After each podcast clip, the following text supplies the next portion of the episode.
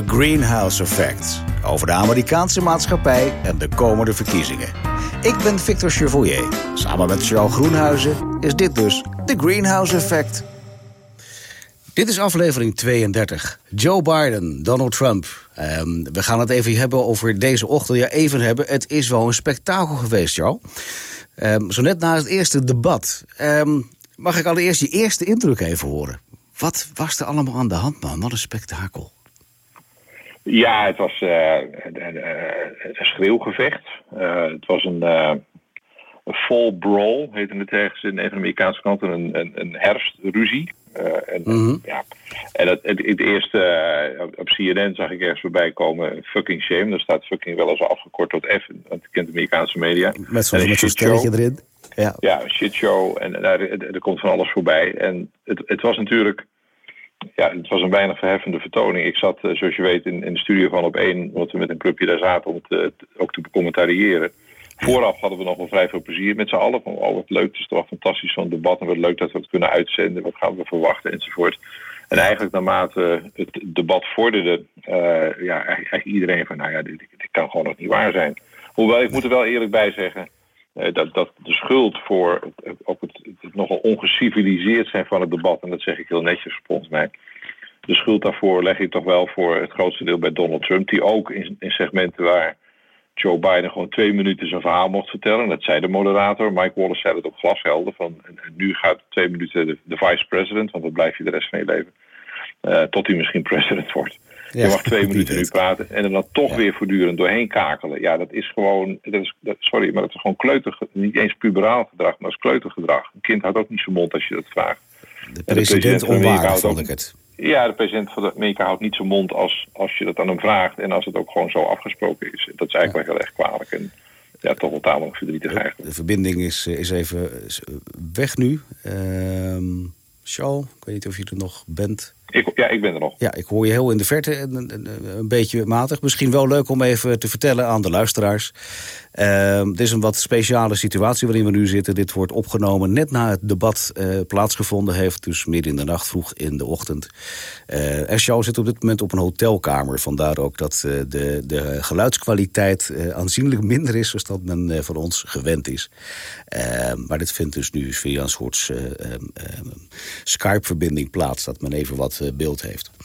Um, ik zei net, het is president onwaardig, Charles. Uh, dat, dat, dat vind ik ook. Maar stel dat we nu even toch um, um, even tot heel erg hoog gaan zitten qua helikopterview. En je moet als eerste gewoon zeggen, wie is nu eigenlijk de winnaar? Durf je aan te geven van wie wint dit debat nu eigenlijk... als je dat vanuit dat perspectief even kijkt? Nou kijk, je kunt het vergelijken met een bokswedstrijd, Victor. Uh, het was zeker geen knock-out voor de een of voor de ander. Absoluut niet zelfs. Er zat ook geen one-liner in dat je denkt van... oeh, die is recht op de neus. Uh, of op de kin, geloof ik, moet ik met boksen. Ik ben niet zo'n bokser. het, het, het, dan, dan, moet je als een soort jury punten gaan geven. Uh, en dan zou ik Joe Biden iets meer punten geven dan Donald Trump. En dat heeft ermee te maken dat ik vind dat als het op het verstoren van het debat gaat... Ja, Trump toch wel een veel actievere rol speelde. ik vind ook dat Joe Biden... Ja. De verwachtingen waren niet heel erg hoog gespannen. Uh, op zijn zacht gezegd, als het om Biden ging, het ging toch vooral om blijft hij overeind. Zegt hij geen hele gekke dingen. Er zaten wel van die momenten in dat hij even zocht. Maar ik vind dat hij redelijk overeind ja. is gebleven. En op het, op het laatst bijvoorbeeld, maar daar kunnen we het zo meteen nog even over hebben ook. Over uh, de, de, integriteit van het kiezensysteem en van de hele verkiezingen zo meteen in november. Daar vond ik hem wel weer heel sterk terugkomen. Ik vond hem alleen minder sterk, echt beduidend minder sterk als het ging om het perspectief bieden aan kiezers. Van dames en heren, als u op ons stemt, als het de Democraten stemt, op mij als presidentskandidaat, kunt u dit van ons voor de toekomst van ons prachtige land verwachten? En ik vond dat hij op dat vlak echt heel erg teleurstelde, denk ik, voor veel van zijn mogelijk twijfelende kiezers. Het was niet inspirerend, het was niet hoopgevend. Uh, en het was niet ja, toch een toekomstige leider die het volk bij de hand neemt en zegt van uh, ik val aan, volg mij. Nou, dat, dat was mijn thema ook een beetje. Uh, ik moet eerlijk zeggen, als ik als leek... jij bent Amerika-deskundige, ik absoluut niet... maar ik, ik, ik, ik heb echt zitten kijken als, als gewoon een modale blonde Nederlander. Ehm, en dan moet ik zeggen, als, als je in, in, in de tijden zit waar we het echt uh, lastig hebben met z'n allen. In de Verenigde Staten is het, is het echt lastig. Het is ja, bijna de grootste crisis die ze sinds lange tijden, misschien wel sinds eeuwig hebben en je moet een leider kiezen... dan moet ik wel eerlijk zeggen dat Trump daar als leider stond. En Joe Biden toch erg aan het hakkelen was. Aan het, aan het, er kwam niet echt een verhaal uit. Was dat nou mijn mening of is dat ook een algemeen beeld... voor zover je dat kan Ja, het is ongetwijfeld jouw mening, maar ik ben het daar van een groot deel mee eens. Uh, ik, ik, vond ook dat Biden, maar dat is kijk, in de hele campagne al ontzettend weinig toekomt aan inhoud. Dat ligt voor een deel aan hemzelf. Uh, je moet gewoon je verhaal vertellen. Uh, Hillary lukte dat in 2016 ook niet. Daarbij speelt wel de storende factor Donald Trump. Maar goed, die kun je ook neutraliseren. Uh, ik heb zelf ook in de aanloop naar het debat gezegd van uh, Biden moet vooral zijn eigen verhaal vertellen. Moet op hoofdthema's, en dan gaat het over ja. klimaat, gaat het over ongelijkheid, zorg, onderwijs, uh, ja, ook law and order. moet je gewoon je eigen verhaal voorbereiden en het gewoon vertellen. Ja. Nee, daar, daar stoorde Trump wel voortdurend, maar toch vind ik dat hij veel sneller het eerste drie kwartier of zo, ik heb op ons zitten turven hoeveel Trump-bashing erin zat van de kant van Biden. En dan denk ik van, uh, Joe, dat weten we nu wel. En ja, je bent tegen Trump. En dat is prima, dat moet je vooral doen. Ja. Maar vertel ons nu wat je echt gaat doen. En laat je niet afleiden door alle gekkigheid van Trump. Want Trump was voortdurend bezig om, natuurlijk om uit zijn spel te halen. En een stoorzender te zijn. Zoals je dat bij, bij voetbal, iemand die voortdurend stoort. Die niet scoort, maar stoort. Kijk, als je, als je het echt zou samenvatten, dan uh, moet de president, in dit geval moet hij scoren. Maar ik vind dat hij drukker is geweest met storen. Ja. Hij heeft goed gestoord, maar eigenlijk weinig gescoord. Ja. Waar, die, waar ik hem wel sterk op vond, ik was het niet met hem eens, maar wel denk ik naar zijn achterban en misschien ook met twijfelende kiezers, is als het ging om law and order. En als het ging om ja. uh, de vraag of uh, al die rellen en vernielingen enzovoort in steden, of Joe Biden daar een krachtig antwoord op zou hebben. Kijk, Trump heeft dat antwoord niet. Uh, en het gebeurt in republikeinse en democratische steden. Terecht dat Joe Biden daarop wees. Maar het is wel waar dat Biden daar, die zeggen met lege handen stond. En het is ook een heel lastig probleem. Uh, maar ik vond dat, dat uh, Trump daar beter uitkwam. En ik denk dat de huiskamer, Amerikaanse huiskamers, in een aantal gevallen ook wel gedacht hebben. Nou, dit verhaal van Trump is hier net ietsje beter dan dat van Joe Biden. Oh, correct. Um, als we even terugdenken aan het moment waar het ging over die 3,5 miljoen uh, dollar die uh, de zoon meegekregen zou hebben in Moskou. Ja. Uh, wat vond jij überhaupt dat dat thema naar voren kwam? Ja, dat is niet verbazend. meestal gaat het als het om Hunter Biden ging, deze zoon van Joe Biden, gaat het over zijn verwikkelingen in de Oekraïne, waar hij adviseur ja. was waarvan volstrekt onduidelijk is op welke kwalificaties hij de adviseur van zo'n grote energiereus daar geworden is. Dat is toch ja. wel vrij verdacht. Het is gewoon geen goed, geen goed verhaal. Daar kun je lang en kort over praten en probeer er een punt aan te lullen op z'n Hollands. Maar dat is gewoon geen goed verhaal. Nee, Dit Moskou-verhaal nee. komt uit een uh, door de Republikeinse Partij opgesteld rapport. Uh, wat ja. vervolgens door de Democraten is neergeschoten, omdat het allemaal onzin is. Nou, Biden zei zelf ook: het is onzin. Uh, mm. ik, ik kan dat vanuit hier kan ik dat niet, niet heel goed beoordelen. Ik weet alleen uh, dat dat hele verhaal rond Hunter gewoon een zwak verhaal is. En voor een deel is Biden daar ook uh, medeplichtig, als je het onaardig zo zou formuleren. Als ik bijvoorbeeld denk uh, dat hij Hunter ook meenam op reizen naar China in Air Force Two, toen hij vicepresident ja. was en heeft hij zijn eigen vliegtuig. Ja, dat is gewoon heel onhandig. Dat doen de Trumps nog veel erger. De familiebusiness Trump profiteert aan alle kanten van de presidentiële positie van ja. Donald Trump. Maar in dit geval moet je gewoon een, een, een schone lei hebben op dit vlak. En nogmaals, dit is, dit is wel uit te leggen wat er gebeurt met die Hunter Biden. Maar het staat gewoon niet goed. En mensen die twijfelen over Biden zouden dit mee kunnen nemen van zie je wel, uh, hij, hij, het is een corrupte familie. Wat ik overdreven vind. Maar het, is, uh, ja, het staat niet netjes wat daar gebeurt. Het is heel simpel. En dat heeft Biden, ik wil niet zeggen dat dit slecht heeft behandeld nee. uiteindelijk. Maar op goed moet je misschien ook maar zeggen van ja, er zijn gewoon dingen misgegaan. Maar dat, dat gaat net een stap te ver waarschijnlijk. Wat ik wel een heel mooi uh, punt vond, was het moment waarop Joe Biden begon over dat uh, op dit moment toch alle rassen uh, in, in één auto naar hun werk gaan. Hij vergeleek het ja. een beetje met de jaren 50 daarvoor. En dat hij zelf ook uit een buit, buitenwijk komt.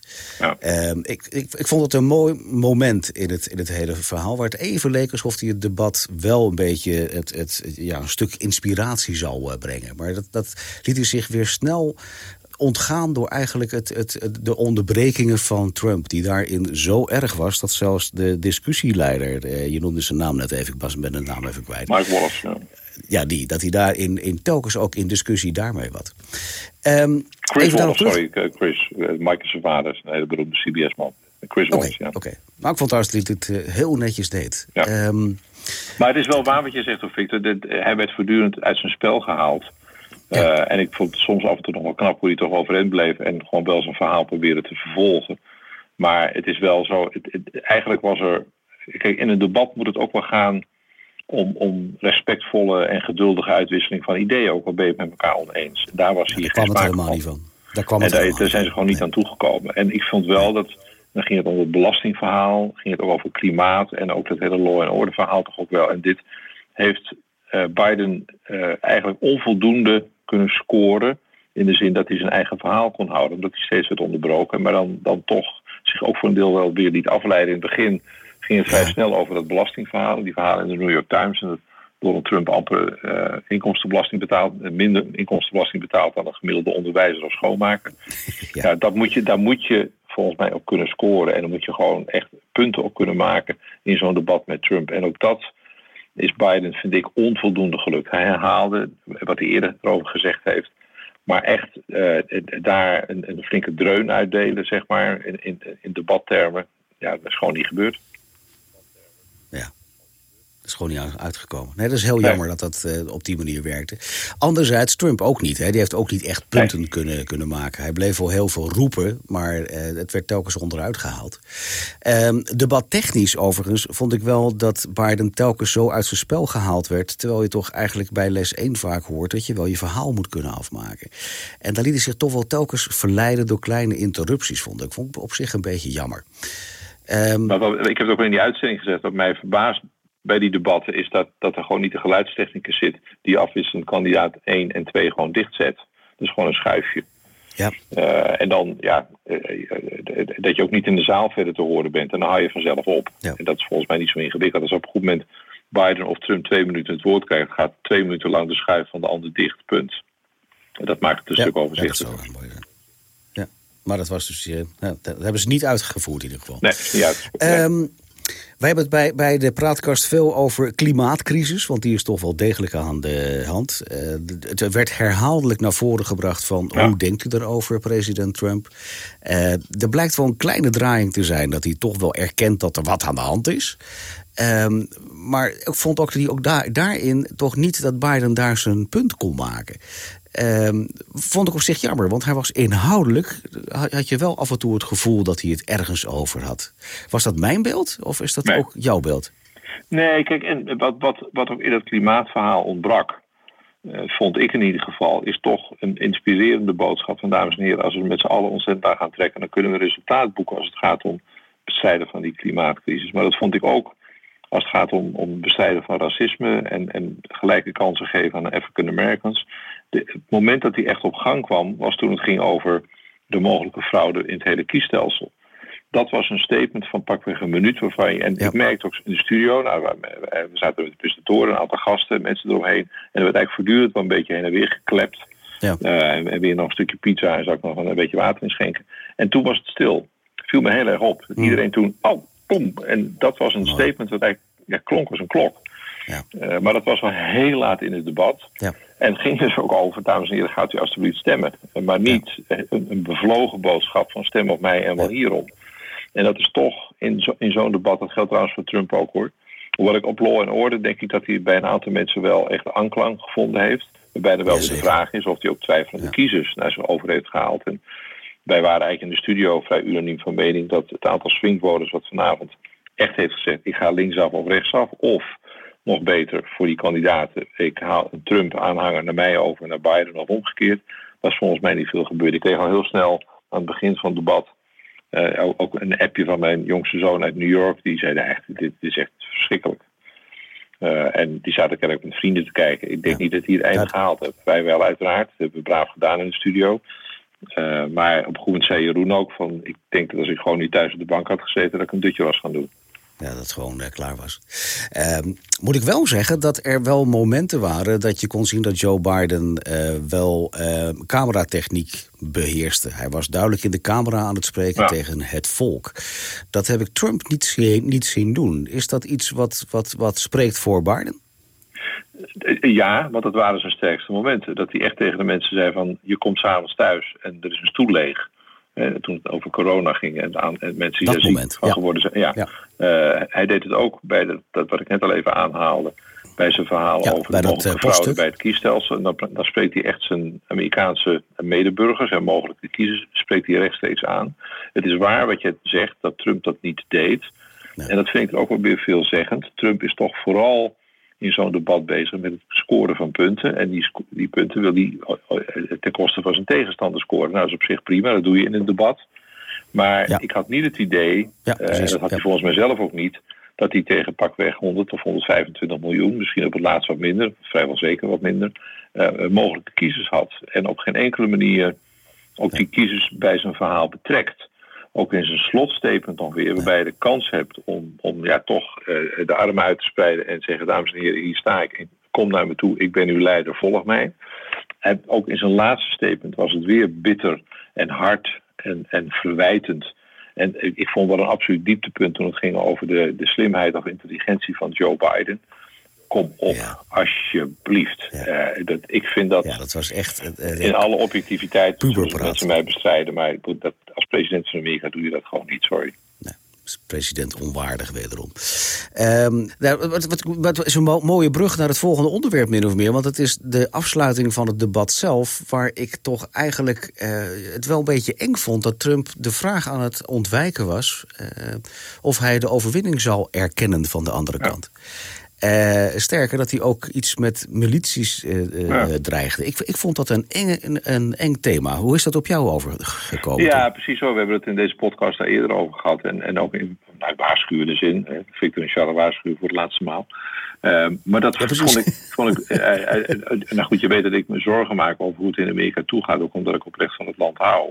En als ik hem hoor herhalen dat hij zijn aanhangers naar stembureaus wil gaan sturen om daar de zaak te controleren. Victor, dat is strijdig met alle regels op dat vlak. Er zitten in, de, in zo'n gebouw zitten mensen van verschillende van de beide partijen. Eh, ik hoorde toevallig van de week mijn dochter die zei van ja, met name oudere mensen die wonen in Californië, die willen dit werk liever niet meer doen vanwege corona. Ik ga me opgeven om in een polling station te zitten. En zo zijn er heel veel vrijwilligers.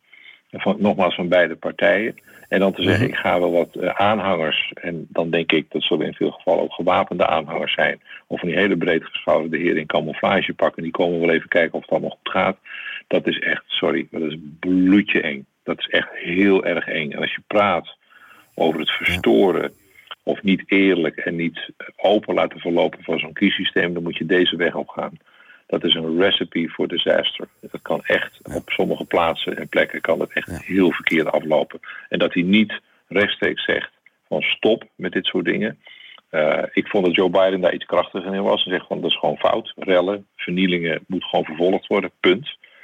En Trump weigert A, ja. wat je terecht aanhaalt, te zeggen ja hoor, als het, als het echt zover is, dan zal ik de uitslag respecteren. Maar wel dus allemaal mensen naar uh, polling stations, uh, stembureaus toesturen om te kijken van loopt het allemaal dan netjes. Dat is hun taak niet.